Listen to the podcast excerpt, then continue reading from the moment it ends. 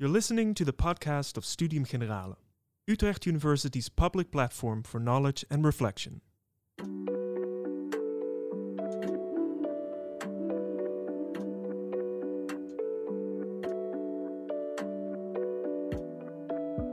You're listening to Het Ezelsoor, short interviews with philosophers and thinkers about their favorite quote, a passage they've underlined and regularly come back to for inspiration. Sitting opposite me is uh, Dorothea Gädeke. She's a philosopher at Utrecht University. Dorothea, welcome.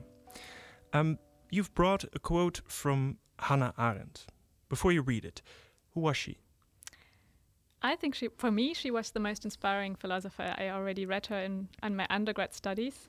Um, she was a German philosopher, a Jewish philosopher who emigrated to the, or flew rather, to the Hmm. US uh, under the Nazi regime.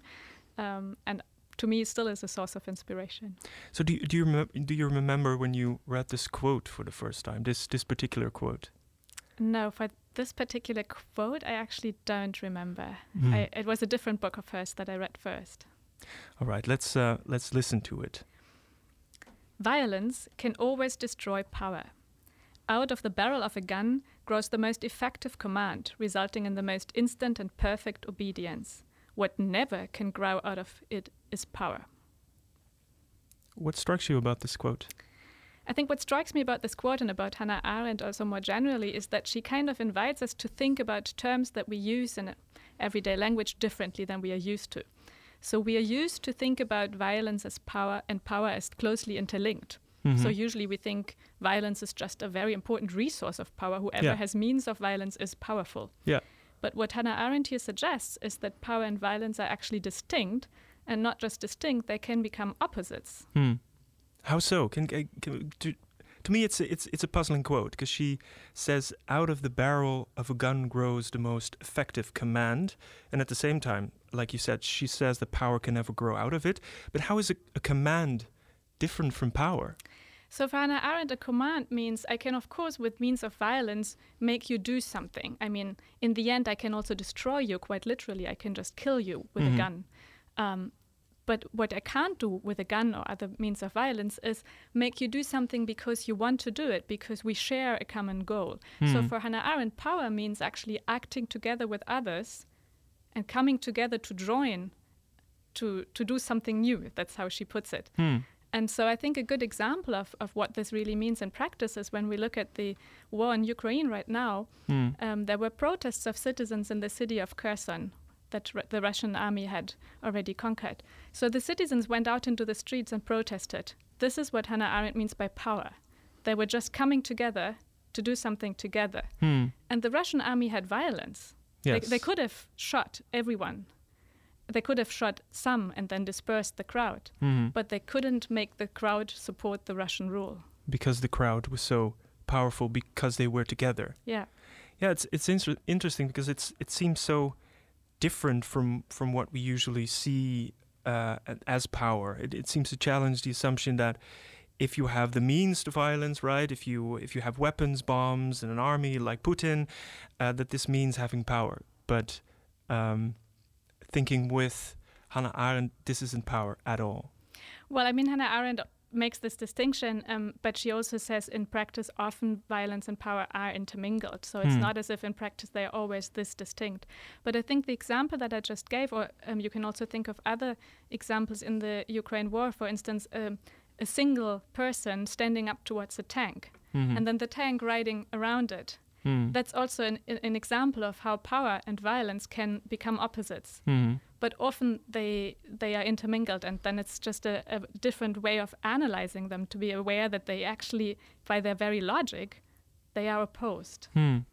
So would you then say that um, that power is something hopeful, while violence doesn't carry that within itself? i think that's definitely what hannah arendt would would say and i think what she also sort of invites us to think about so power as such is acting together to start something new she says so there's always the open and that's i think a reason for hope so you can start something new uh, she says so she, you can come together to do something differently And how, how how would you do that? To start something new? For Hannah Arendt, I think that's that's what politics is really about. It means being in public, coming together as I mean, as a people in a way, as a community, um, and to more practically, I think it is through communication, really. Hmm. Through communicating your ends, through sort of establishing a shared sense of meaning. Mm-hmm. And shared goal. Yeah. And, and and in the context of, of, of the the war in, in Ukraine, that would be the Ukrainians coming together uh, uh, and fighting against a common enemy.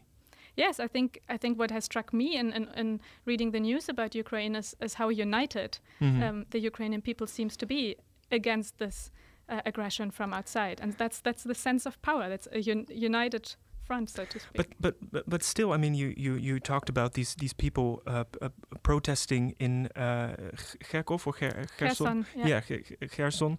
Um, but at the same time, I mean, th- those are are uh, forms of protests that that aren't violent. But at the same time, I mean, the Ukrainians are fighting hmm Putin. Yes. So would that be a, a, way of a sort of a, a form where where violence and, and power intermingle?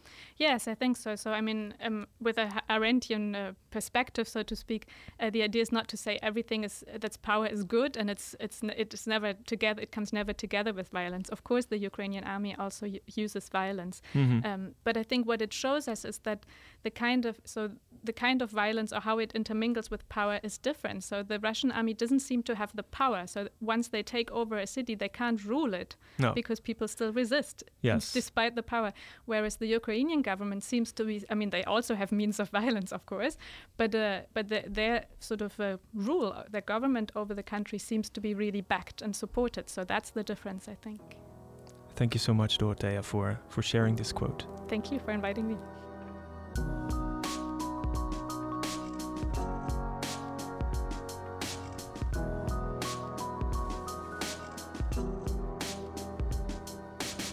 You've listened to the Studium Generale podcast. Do you want to hear more episodes? Go to sg.uu.nl slash podcast or subscribe to Studium Generale on your favorite platform.